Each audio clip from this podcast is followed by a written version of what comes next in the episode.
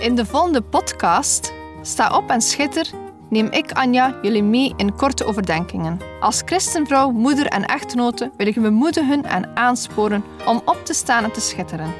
We zijn niet gemaakt om in Gods koninkrijk stil te zitten en niets te doen, maar om op te staan en dienstbaar te zijn. In de eerste plaats tien over God, daarna tien over ons gezin, onze partner of onze geloofsgenoten.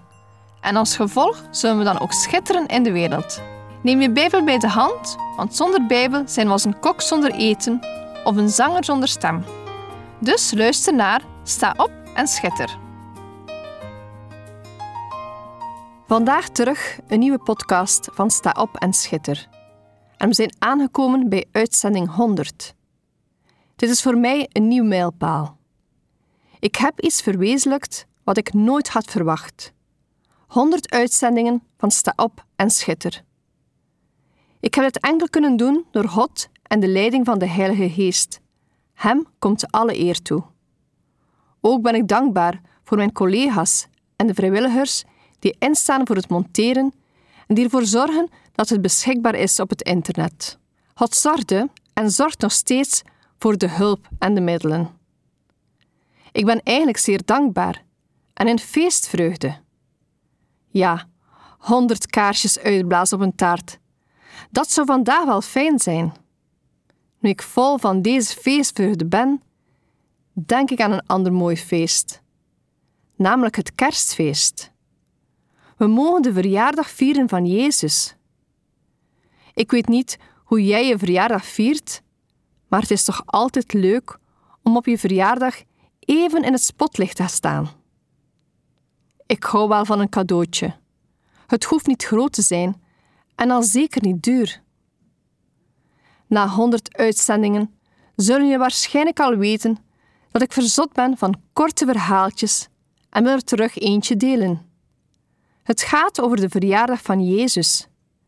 De schrijver van dit verhaal is voor mij onbekend.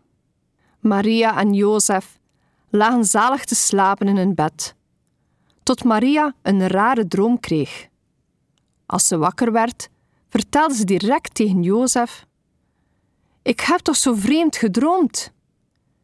In die droom gingen we Jezus' verjaardag vieren, zoals we ieder jaar gewoon zijn om te doen. Ik keek toen rond om te zien wat de mensen allemaal aan het doen waren. Iedereen was zo druk bezig. Sommige mensen versierden hun huis met lampjes en dat zag er eigenlijk wel leuk uit. Ik zag mensen die nieuwe kleren kochten. Geen gewone kleren, maar zeer mooie, deftige kleren. Sommige mannen kochten zelfs een smoking. En sommige vrouwen een baljurk. Ook zag ik dat mensen cadeautjes kochten. Dure cadeaus en veel. Maar wat ik zo gek vond aan die droom, is dat ze kleren kochten voor hunzelf en niets gaven aan de armen. Ik zag de mensen de vele mooie cadeautjes inpakken in prachtig glinsterend papier met grote strikken eromheen. Die cadeautjes legden ze onder een boom. Echt waar, Jozef, ik zei het al, het was een vreemde droom. De mensen zetten een boom op in hun huis.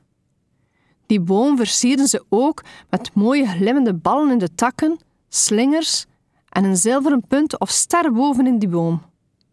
Vreemd. Echt vreemd om te zien. Het zag er wel allemaal fantastisch uit en alle mensen lachten. Ze leken heel gelukkig en blij met zoveel cadeaus. Maar Jozef, het is zo vreemd. Ze gaven die cadeautjes alleen aan hun eigen kinderen en aan elkaar, terwijl ze zelf rijk en gezond zijn. Ze gaven geen cadeautjes die in teken stonden van Jezus zijn verjaardag. Is dat niet hek? Ik zag ze heerlijk eten klaarmaken en gezellig samen eten. Maar ik zag geen arme en eenzame mensen aan hun tafel. En ik dacht ineens: Ik geloof dat ze Jezus niet eens kenden. Is dat niet hek? Ze vierden zijn verjaardag, maar ze kenden hem niet eens. Ze gaven cadeautjes, maar niet aan de armen, zieken, niet aan de gevangenen, niet aan de hongerigen. Het was zo'n vreemde droom. Ik dacht even: Stel dat Jezus nu naar zijn verjaardagsfeest zou komen. Dan zouden ze hem vast wegsturen als een indringer. Het was allemaal mooi en iedereen leek zo gelukkig.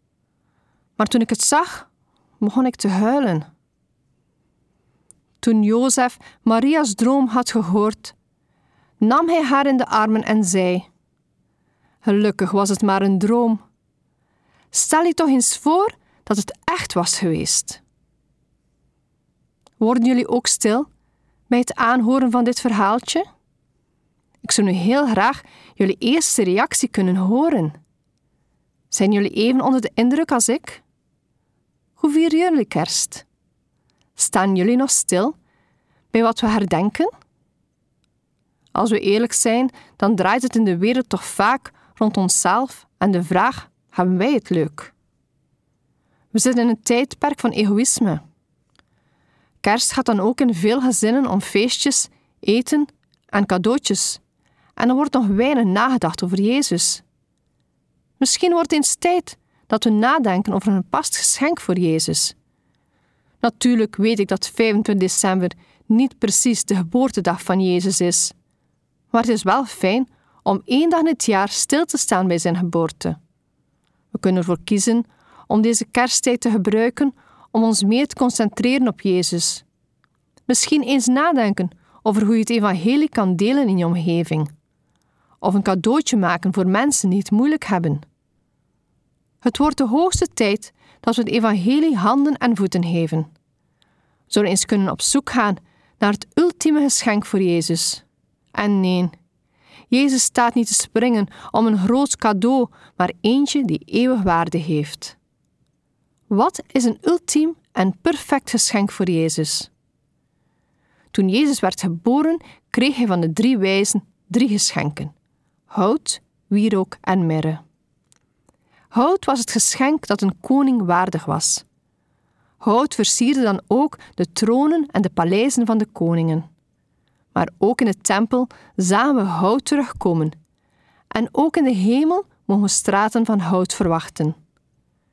Wierook was dan een cadeau waarin we de link leggen naar de tempeldienst. De priesters gebruikten dit bij de offers. Wierook stond symbool voor de goddelijkheid van Jezus. Het geschenk mirre was een verwijzing naar de dood van Jezus. Mirre was een kostbaar hars waar zalf van gemaakt werd om doden mee te balsemen. De mirre spreekt dus over het sterven van Jezus. Drie prachtige cadeaus die we vandaag niet meer geven. Maar wat kunnen we dan wel geven? Iedere dag ontvangen we van Jezus zegeningen en geschenken. Ik denk aan ons geld, woning, eten en luxe. Velen van ons kunnen geven uit overvloed, zonder dat het ons iets gaat kosten. Het is niet gemakkelijk om aan Jezus iets te geven, omdat eigenlijk alles al van Hem is. Wat kunnen we Jezus geven die alles al heeft en bezit? Misschien kunnen we ons beter een andere vraag stellen. Wat is er dat Jezus van ons wil? Het antwoord is simpel: Hij wil ons. Hij wil dat we Hem volgen en gehoorzamen. Als ik daar verder over nadenk, dan kunnen we alvast drie cadeaus geven aan Jezus. Als eerste cadeau onze tijd. Als ik denk aan mijn leukste verjaardagscadeaus, dan was het tijd. Familie en vrienden die de tijd namen om samen iets met mij te doen. Die tijd namen om een mooi kaartje te schrijven.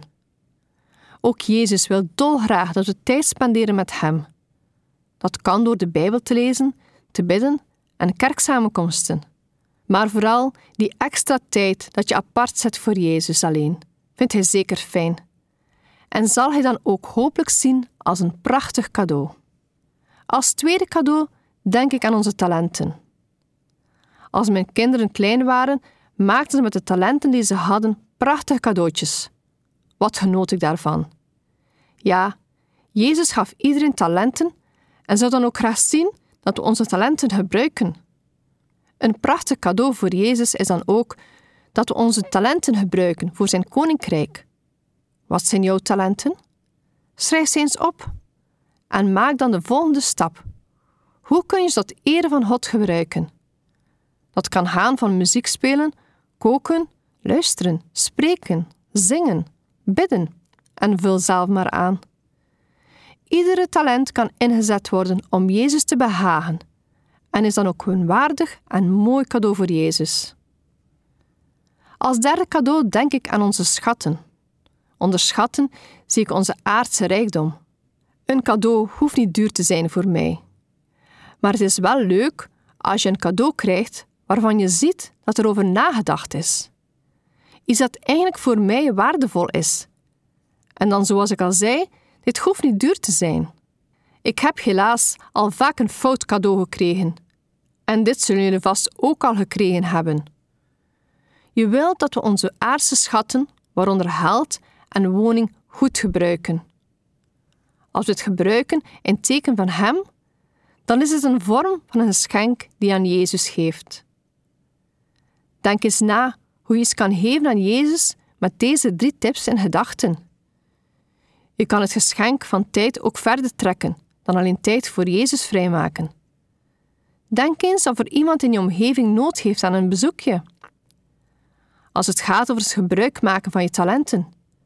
Heb je een talent om te koken? Kun je iets maken voor iemand die het financieel moeilijk heeft?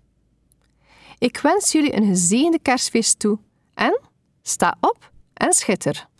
Deze podcast kun je steeds opnieuw beluisteren via de website en app van twr.be. Als je deze aflevering leuk vond en je wilt de podcast helpen ondersteunen, deel hem dan met anderen. Heb je gebed nodig of wil je reageren op deze uitzending? Zend dan gerust een mailtje naar anja.twr.be. Bedankt voor het luisteren.